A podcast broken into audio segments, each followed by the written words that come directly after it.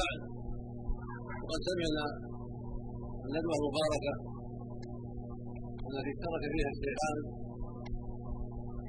الشيخ صالح بن عبد الرحمن الأطرم وعبد الرحمن التلميذ فيما يتعلق بموضوع الأمر بالمعروف والنهي عن وموضوع عظيم وقد أجاد الشيخان في ذلك وأفاد وأوضح ما ينبغي إيضاحه فجزاه الله خيرا وضاعف مثوبتهما وزادنا وإياكم وإياهما من التوفيق والهدى والسلام ونفعنا جميعا بما سمعنا وعلمنا. لا ريب أن موضوع الأمر بالمعروف عن المنكر موضوع عظيم. ما أوضح الشيخان. أمر لازم لجميع المسلمين كل مسلم مسؤول عن هذا الواجب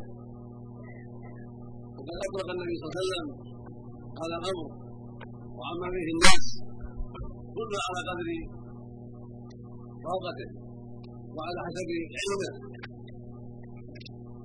وليس لاحد ان يتخلى عن هذا الواجب بل يجب على كل مسلم ان يهتم بهذا الواجب مع نفسه واهل بيته واخوان المسلمين لأن المسلمين شيء واحد جسد واحد وبلاد واحد كل واحد ينصح لأخيه. كل واحد كل واحد يحب خير لأخيه. والصلاح والهدى. كل واحد يعلم بما يضر أخاه. كل واحد يسر بما يسر به أخوه. هكذا المؤمنون. كما قال النبي الكريم عليه الصلاة والسلام المؤمن للمؤمن كالبنيان يشد بعضه بعضا. فشبك بين اصابعه عليه الصلاة والسلام. وقال أيضا عليه الصلاة والسلام مثل المسلمين في توادهم وتراحمهم. وتعاطفهم كما في الجسد الواحد. إذا اشتكى منه عضو تداعى له سائر سائر الحب هكذا المسلمون فيما بينهم وهكذا قوله عليه الصلاة والسلام المسلم أخو المسلم لا يظلمه ولا يظلمه ومن كان بحاجه اخيه كان الله بحاجه أخرجه الشيخان. وهكذا قوله عليه الصلاة والسلام والله يعلم كان عمل اخيه أخرجه في صحيحه. ويبدأ هذا قوله جل وعلا والمؤمنون والمؤمنات بعضهم أولياء بعض. يأمر بالمعروف وينهون عن المنكر ويقيمون الصلاة ويؤتون الزكاة ويطيعون الله ورسوله. فجعل الأمر بالمعروف والنهي عن المنكر من صفات المؤمنين والمؤمنات ومن أخلاقهم العظيمة التي مدحهم الله بها ومن أعمالهم التي علق الله عليها الرحمة والجنة. فعلق الرحمة على هذا العمل الصالح ثم وعدهم على إيمانهم بالجنة والكرامة. فعلم بذلك أن الأمر بالمعروف وأن المنكر من صفات أهل الإيمان الواجبه من أعمالهم المحدده كما أن الصلاة واجبة عليهم والزكاة واجبة عليهم وكما أن طاعة الله ورسوله واجبة عليهم فهكذا الأمر بالمعروف. إنه أمر واجب عليهم على ذكورهم واناثهم وبين في آية أخرى أن من الواجب أن تكون هناك طائفة تستدل هذا الأمر. لأن الأفراد قد يغفرون قد يتساهل بعضهم. قد تكون هناك طائفه ملتزمه منتسبة لهذا الأمر. بقوله جل وعلا وتكن منكم أمة يدعون إلى الخير ويأمرون بالمعروف وينهون عن المنكر وأولئك هم المفلحون هكذا قال جمع من العلم. وقال آخرون ان المعنى والاخوه أنتم كلكم وان من ببيان الجنس المعنى كونوا جميعا أيها الأمة كونوا كلكم بهذا الأمر. كونوا امارين بداعي الخير أمر بالمعروف نهي عن المنكر كما آية براءة والمؤمنون والمؤمنات بعضهم إلى بعض والامر هذا فإنه إذا أمكن وجود طائفة تقوم بهذا الواجب وعناده وتضرر له. فهذا أمكن وأكمل. مع قيام الباقين بواجبهم وليس قيام الطائفة التي تعين لهذا الشيء. وتسمى الهيئة أو الحسبه ليس قيامهم بهذا الواجب.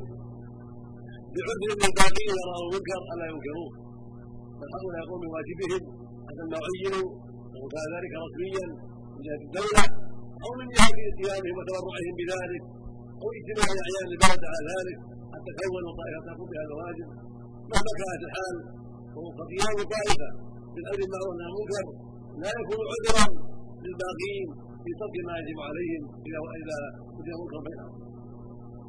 فهم مشروطون واذا قامت الطائفة معينه بذلك ولم يوجد بينهم منكرات إلا سلك من الطائفة حصل المقصود وانتهى الأمر. لأنه فرض كفايه كالجهاد ونحوه إذا قام من يكفي سقط الاثم والعدوان الباقيين لكن في هذه الأمور لا يريد أن يكفي. ولا سيما في البلدان الكبيره والمدن الواسعه والقبائل الكبيره الواسعه فقل لا يوجد فيها من يكفي. يمكن أن يكفي في قريه صغيرة يكون فيها جماعة ويتعينون. قد يكون بواجب قد يستغنى به ولو وجد في القريه من يفعل منكر إذا قضوا عليه. وعلموا به وفي المدن وفي البيوت وفي القبائل. كل كل مكان يحتاج إلى شيء من هذا. وقال النبي عليه الصلاة والسلام كلكم راع وكلكم مسؤول رعيته كل انسان راعي في بيته وعلى أهله. راعي في قبيلته إذا كان شيخ القبيله راعي في بلده إذا كان اميرها أو عالمها ومسؤول عن رعى الرعية. ولو استغنى بوجود طائفة لم تكن بالواجب. هو مسؤول لتأييد الطائفة القائمه في هذا الأمر ويقوم بصفها. فإذا كان هناك طائفة هو مسؤول عما تقوم به الطائفة. هذا هذا الرئيس هذا الأمين هذا شيخ القبيلة. وهكذا يتبعه يساعدونه ويعينونه في أداء الواجب. وبهذا تصلح الأمور وتستقيم أحوال المجتمعات على الحق والهدى. فإذا عمل الرؤساء والأعيان ولم يقوموا بحق الرعايه تفقد الأمر. وكثرت المنكرات. وكانت الروائد بين الناس. وكثرت القبائل وصار المجتمع مجتمعا خطيرا عليه العقبه العامة ولا حول ولا قوة إلا بالله. لأن الله جل وعلا يملي ولا يغفل قال جل وعلا وكذلك وكذلك اخذ ربك اذا اخذ القرى وهي ظالمه إن اخذه اليم شديد قال سبحانه افعل من أهل القرى أن يأتيهم باسنا بياتهم نائمون. أو من أهل القرى أن يأتيهم باسنا ضحى وهم يلعبون. افعلوا مكر الله ولا يامن مكر الله إلا قوم الخاسرون قال النبي عليه الصلاة والسلام إن الناس إذا رأوا المنكر فلم يغيروه أو يعمهم الله بعقاب. ويروى عنه عليه السلام أنه قال لما ذكر بني إسرائيل وما جرى منهم. وين يفتي يحجر لا تامرون بالمعروف. ولا تنهون عن المنكر. ولا تاخذون على يد السفيه وتنهون على يد الظالم ولا تاثرنه ولا اطرا وتلزمون بالحق وتكسرونها الحق. اطرا هؤلاء يضربن الله بقلوبكم واباكم ولا يلعنكم. كما لعنه الأمر عظيم وعظيم. فلا حول ولا قوة إلا بالله. وفيما سمعتم من الشيخين الكفايه والبركه والخير العظيم لكن من باب التأكيد ما قاله الشيخان ومن باب تعاون على البر والتقوى. والله يقول جل وعلا وتعاونوا على البر والتقوى. ولا تعاونوا على الاثم والعدوان ومنكرات كثيرة. منها التعاون بالصلاة. فالذي يترك الصلاة هذا منكرا عظيما وكفرا اكبر نعوذ بالله. ثم تجده بين الناس. لا يبالى بامره يأكل مع الناس ويشرب مع الناس ويهوى مع الناس. لا يجر ولا ينكر عليه. بين الجماعة. إلا غيره لله. اين انكر منكر ان تعرف هذا والدخول أو تعرف هذا ولد أو أو جارك يترك الصلاة ومع هذا معكم كانه ما سوى شيء ولا فعل شيء معكم في الولائم معكم في الجهاوي معكم في السواليف اين غير الله. هذا ينكر عليه هذا يهجر ويقال عليه وإذا كان باحد سلطان عليه هدبه حتى يتوب فإن تابوا إلى قتله يجب على ولاة الأمور. إذا علمت السيد الشخص الذي لا يؤدي الصلاة يستتاب فإن تابوا إلى قتله مرتدا نعوذ بالله ان ثبت عن رسول الله. عليه الصلاة والسلام قال العهد الذي بيننا وبينهم الصلاه فمن ترك فقد كفر. وقال عليه الصلاة والسلام بين الرجل وبين كل ستة الصلاة خرجه مسلم الصحيح وقال عليه الصلاة والسلام بالإسلام وعمده الصلاة وزينة سلامه الجهاد في سبيل الله. فإذا ضيع الصلاة فبعد إذا ضيعها ضاع دينه نعوذ بالله من حفظها حفظ دينه ومن ضيعها فهو سوى هذا كذلك يوجد من يصلي لكن يصلي في البيت لا يصلي مع الجماعة يقول أهله يصلي في البيت ويقول أبوه يصلي في البيت ليس بعذر وهو صحيح لا غير مريض يجب ان يقام عليه حتى يصلي مع الناس في المساجد في بيوت الله صلاه الوجود للنساء والولاد ما يصلي في البيت الا امراه ولا منافق أو مريض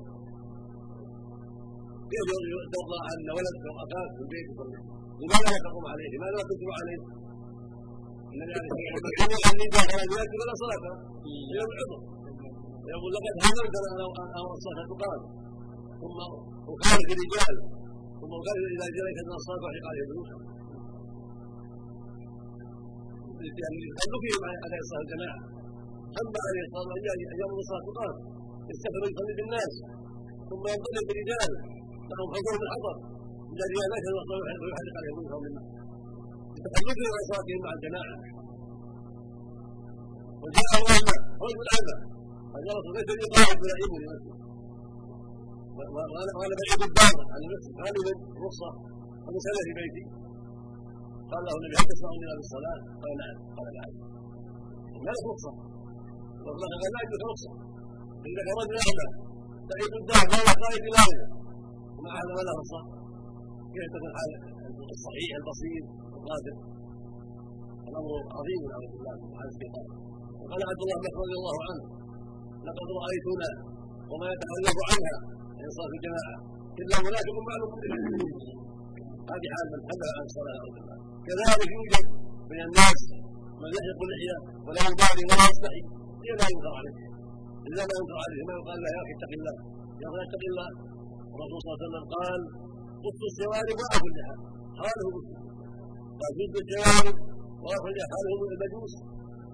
فينكر على من أسفل شواربه وطولها وأخذ لحيته وقصرها أو حلقها يعلم ويرشد وينكر عليه وقال اتق الله كذلك يوجد بينكم من يثبت يجر ثيابه يمكن بشته يجر ازاره يجر سراويله لماذا؟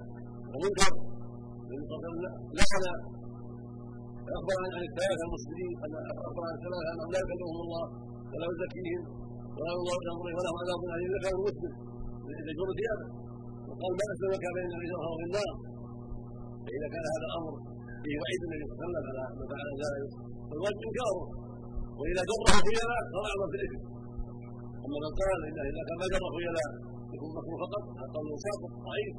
النبي صلى الله عليه وسلم توعد من جر ثوبه خيلاء وتوعد من جر ثيابه ولم ما يدخل خيلاء ثم الغالب انه لا يجره الا تكبرا الغالب انه لا يجره الا خيلاء وتكبرا فان لم يتكبر فذلك وسيلة للتكبر وسيلة الخيلاء ثم مع ذلك فيه اسراف في اسراف وإفساد الاحتياج وتعريضها النجاسات والاوساخ ولما رأى عمر رضي الله عنه وأرضاه لماذا بعدما طعم قبل أن يموت رضي الله عنه وأرضاه رأى كافا يمس بثوبه الأرض.